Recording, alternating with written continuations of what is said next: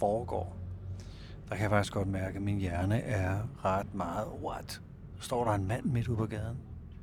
Det her, det er altså en... Øh, det er ligesom øh, Lyngbyvejen ind mod øh, København. Crazy. Og det her med, at jeg kan mærke, at jeg har lyst til at forstå, hvordan det foregår her. Hvad er systemet i alt det her? Hvad, hvordan gør de det? Altså, hvordan lykkedes det her overhovedet? Og samtidig, når jeg ser på vejskilte, har jeg opdaget noget forholdsvis fantastisk. Fordi meget af det står jo på arabisk. Og jeg kan mærke, at jeg ser det, men jeg kan overhovedet ikke tage det ind. Jeg kan ikke relatere. Jeg kan ikke øh, forstå, hvad det betyder. Jeg har ingen idé om det overhovedet. Så det der med at have selvindsigt. Tænk, hvis man havde selvindsigt i noget om sig selv. Hvor man kunne stå og kigge på det, og så simpelthen ikke ane, hvad man havde med at gøre.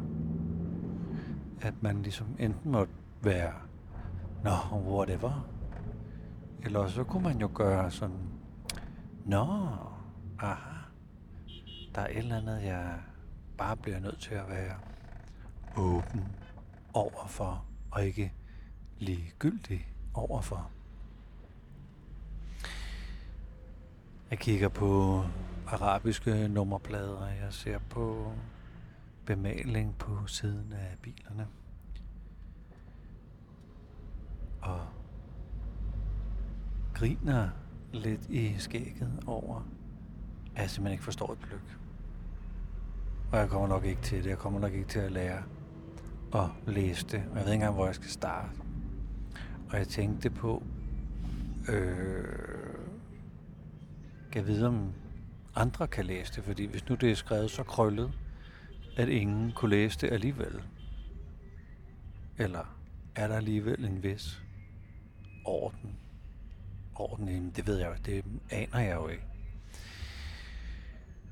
Så øh, jeg vil læne mig tilbage igen og bare nyde den her